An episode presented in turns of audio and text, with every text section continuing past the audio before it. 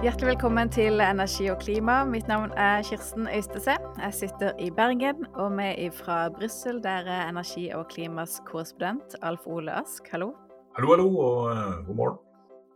Du, Vi skal snakke om eh, varmen og heten som har rammet Europa de siste månedene, og hvilke konsekvenser det bl.a. har for energiforsyning og energi- og klimapolitikken. Og I fjor sommer så var det jo flom som rammet sentrale Europa, da særlig Tyskland og Belgia. og Over 200 mennesker mista livet. Og I år så er det varme og tørke, og det er snakk om at tørken er den mest alvorlige på 500 år. Hvor alvorlig er situasjonen nå, og hvilke land og regioner er hardest rammet? Ja, eh, du kan si Hardest rammet er nok eh, den iberiske halvøy, Portugal, Spania og landene langs Middelhavet. Og noen områder i en del land av typen Ungarn, Romania osv. Så, videre. så det er der hvor det, hvor det, hvor det er eh, mest alvorlig.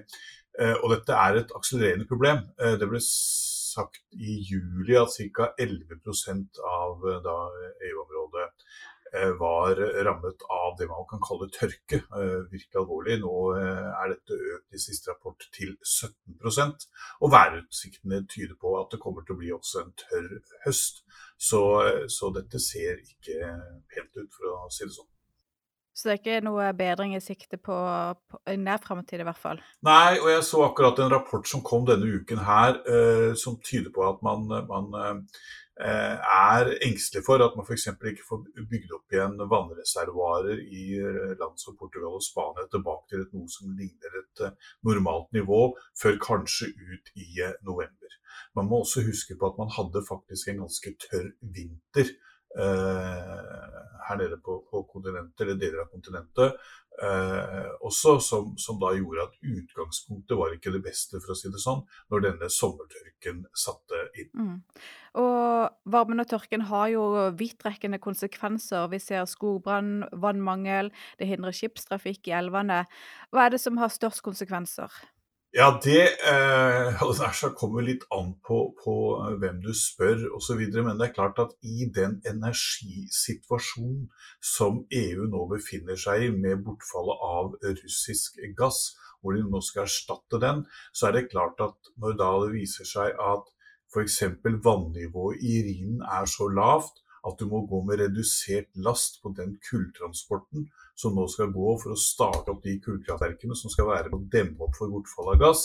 Når du nå ser eh, Frankrike, som har en betydelig del av sin atomkraft ute pga. Eh, vedlikehold, eh, det gjenværende eh, kapasiteten innenfor atomkraft går nå med redusert kapasitet fordi eh, elvene er så varme at det kjølvannet som da eh, de er avhengig av for å kjøle ned eh, reaktorene.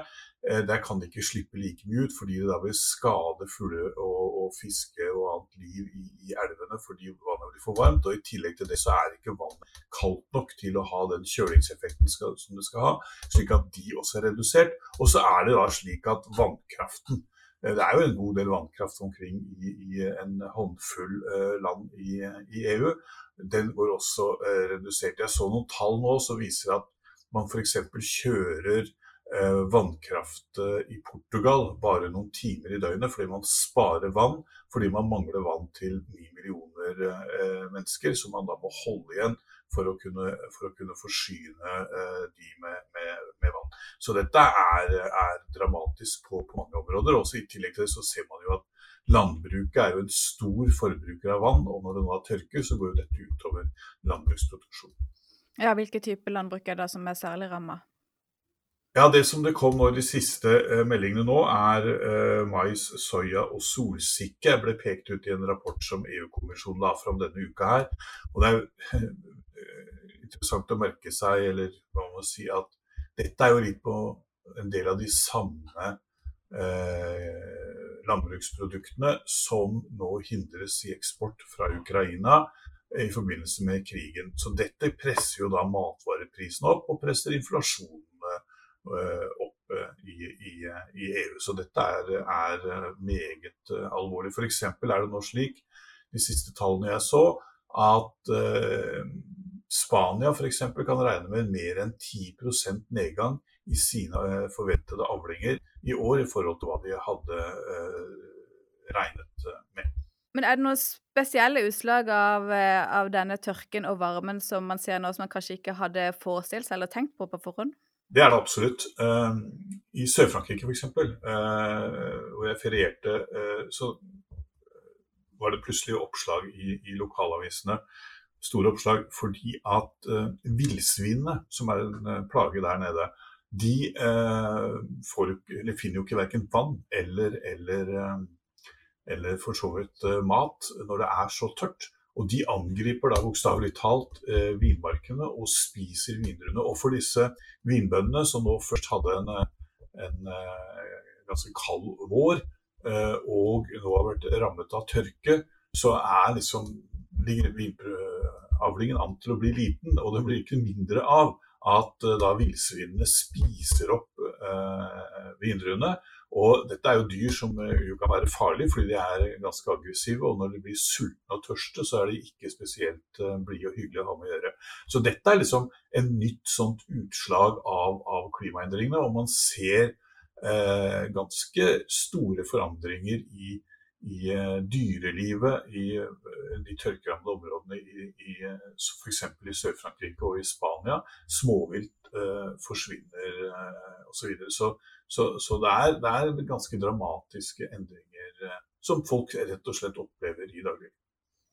Jeg så faktisk et uh, oppslag i en engelskspråklig nettavis som, uh, som skrev om en, en, fransk vinbonde som leide ut området, områdemarka si, i, i, bytte mot vin til, til unge som ønsker å campe i, i vinmarka for å, for å holde villsvinet borte. Jeg vet ikke hvor populære det er som, som sommerjobb i Frankrike. Ja, det var, det var faktisk, det var faktisk enda Ikke bare campe, han betalte dem for å feste.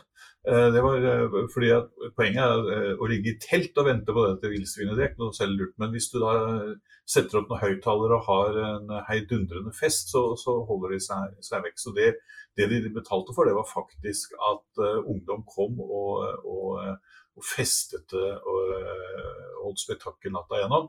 Uh, for da å holde det borte. Ja, dette er bare ett av mange eksempler på hadde jeg nær sagt ordtak om at nøden lærer naken kvinne å spinne. Eh, det er rett og slett fordi de må finne denne type eh, løsninger. Fordi jakten på villsvin starta først 15.8, og veldig mange steder i Frankrike, Spania og Portugal, Italia også, så er jo vinhøsten mye tidligere i gang nå pga. Eh, det varme været enn det den normalt pleier å være.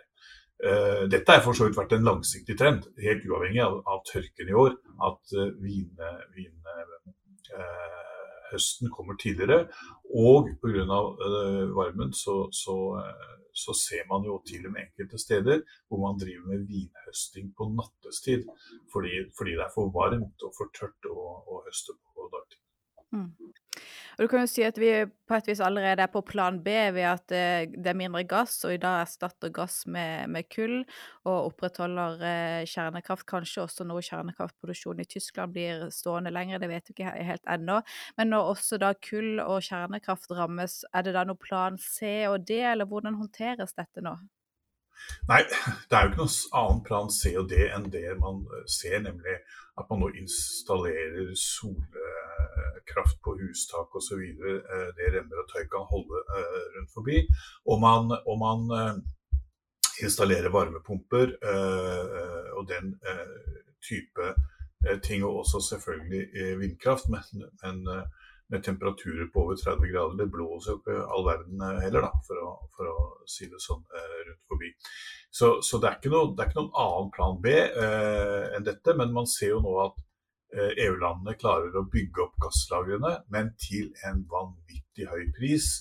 Altså nå eh, Sist uke eh, bikket jo gassprisen per gigawatt og over 290 euro. Du må huske på at går vi tilbake til februar for halvannet år siden, så var vi nede på 14-15-16-17 euro eller noe sånt.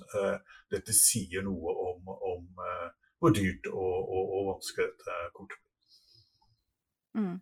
Og hvordan håndteres det, dette blant en vanlig europeer? Altså, hva er de opptatt av, og hva er bekymringene for, eh, for høsten?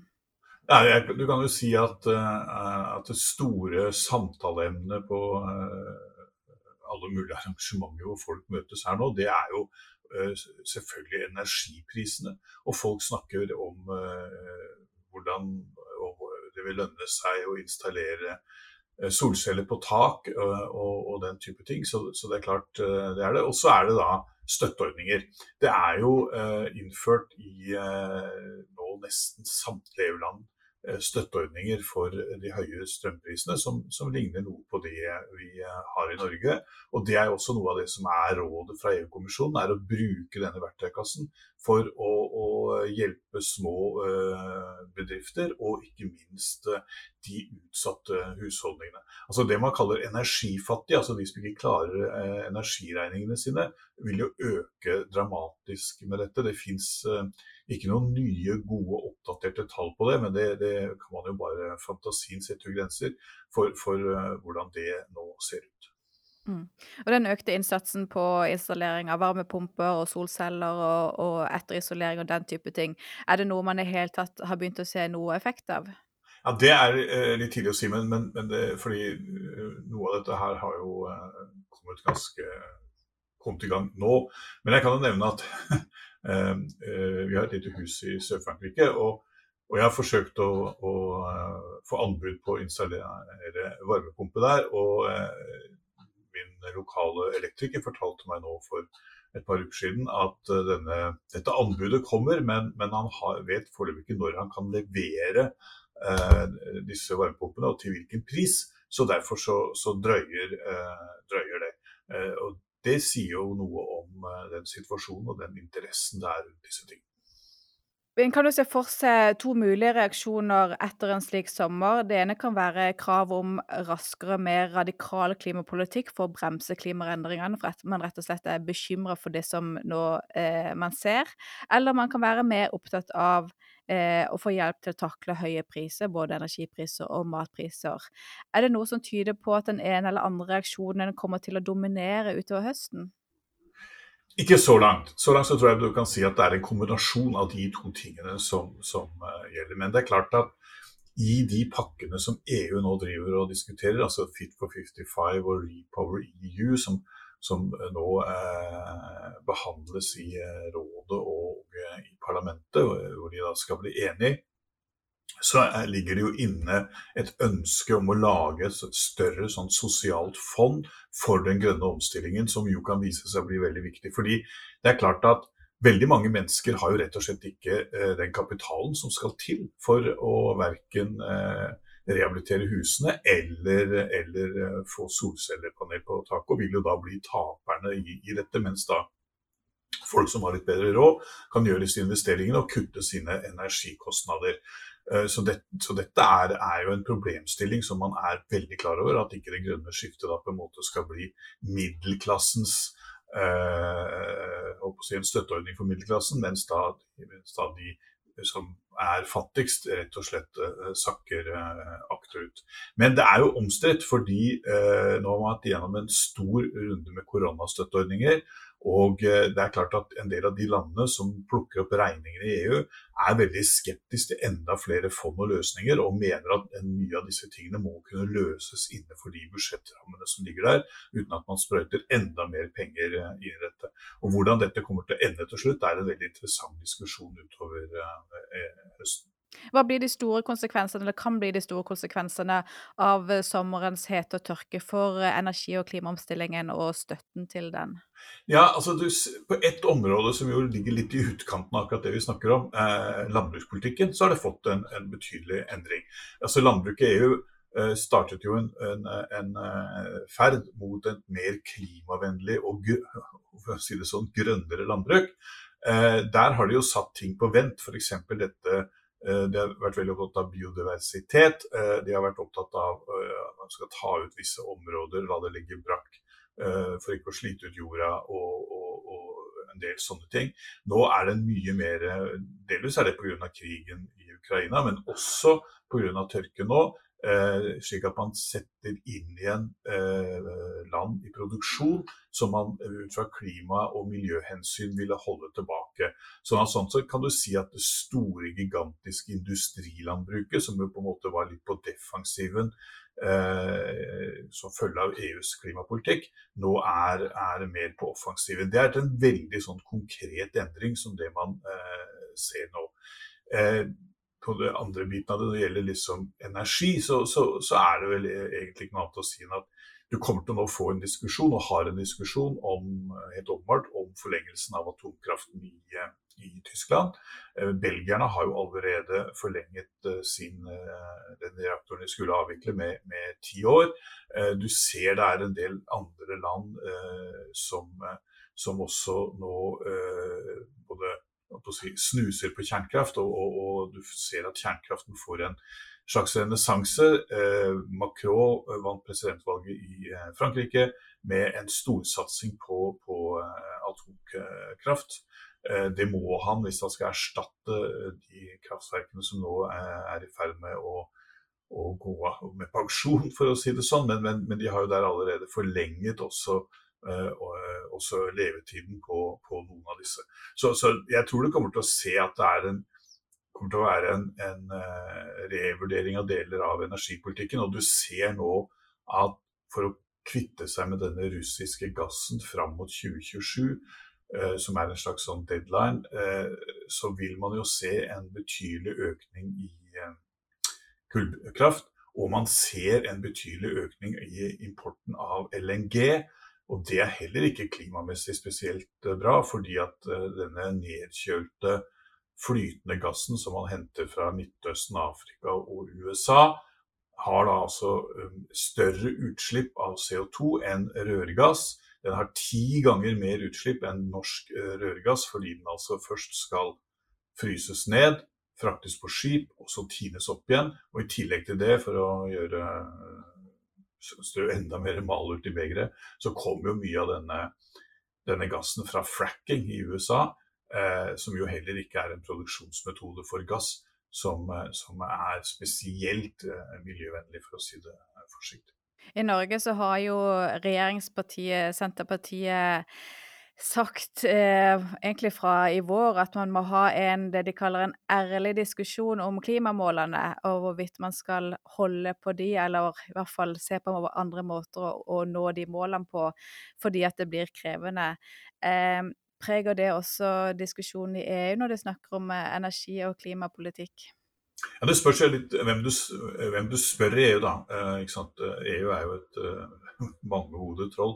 Det er klart, vi, vi, vi hadde en periode eh, i 2021 uh, hvor land som Polen, Ungarn spesielt, mente at man skulle svekke noen av målene og, og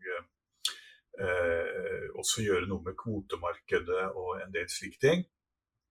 Eh, nå er nok Ungarn ganske alene om, eh, om eh, å kjøre fram den type synspunkter.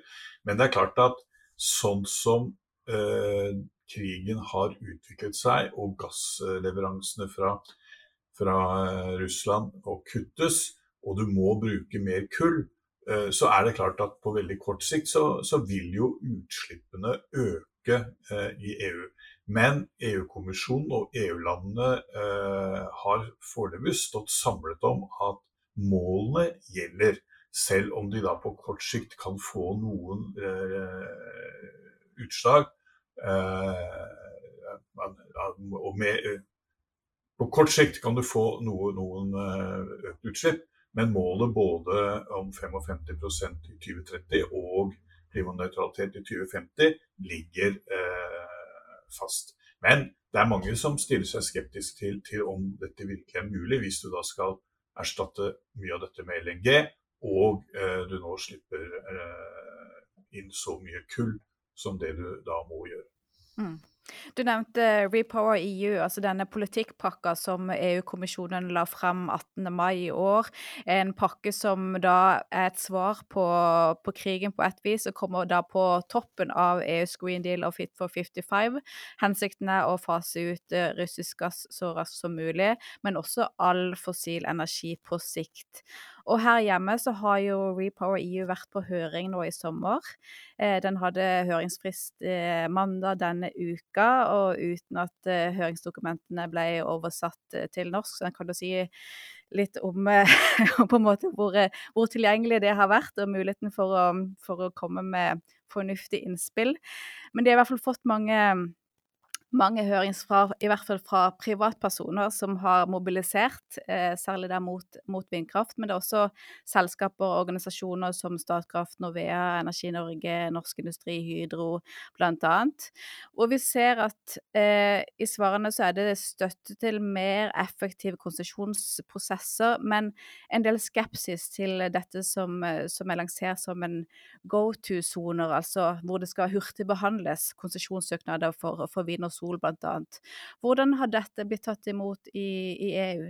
Ja, eh, Det er en uh, skepsis i deler av EU også uh, mot dette. Uh, fordi man har jo de samme diskusjonene i mange EU-land som det vi har hatt i Norge de siste årene om vindkraft på land. Altså det, I den franske valgkampen f.eks. var dette ganske hett tema, hvor hvor eh, da Nasjonal Samling, det som tidligere het eh, Nasjonal Front, og som da er partiet til eh, Marine Le Pen, hun, hun ønsket jo å, å, stanse, og til og med var hun vel ute etter å rive deler av, av vindparkene på land i, i, Frankrike, og ville heller ikke ha noe særlig av dette til havs.